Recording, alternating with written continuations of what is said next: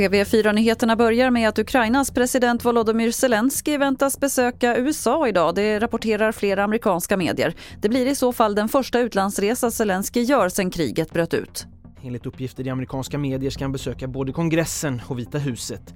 Det här sker samtidigt som kongressen förbereder ett nytt militärt stödpaket till Ukraina till ett värde av 45 miljarder dollar.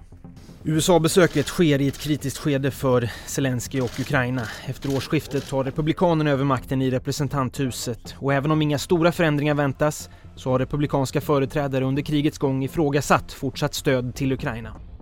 Reporter här var Filip Jakobsson. Regeringen skulle tvingas avgå om det vore val idag. Det visar TV4 Väljaropinion där S får kraftigt ökat stöd, SD faller mest och L hamnar under 4% spärren. De fyra oppositionspartierna får tillsammans 195 mandat i mätningen mot 154 mandat för regeringspartierna och SD. Till sist kan vi berätta att Ikea återkallar skrivbordsstolen Odger.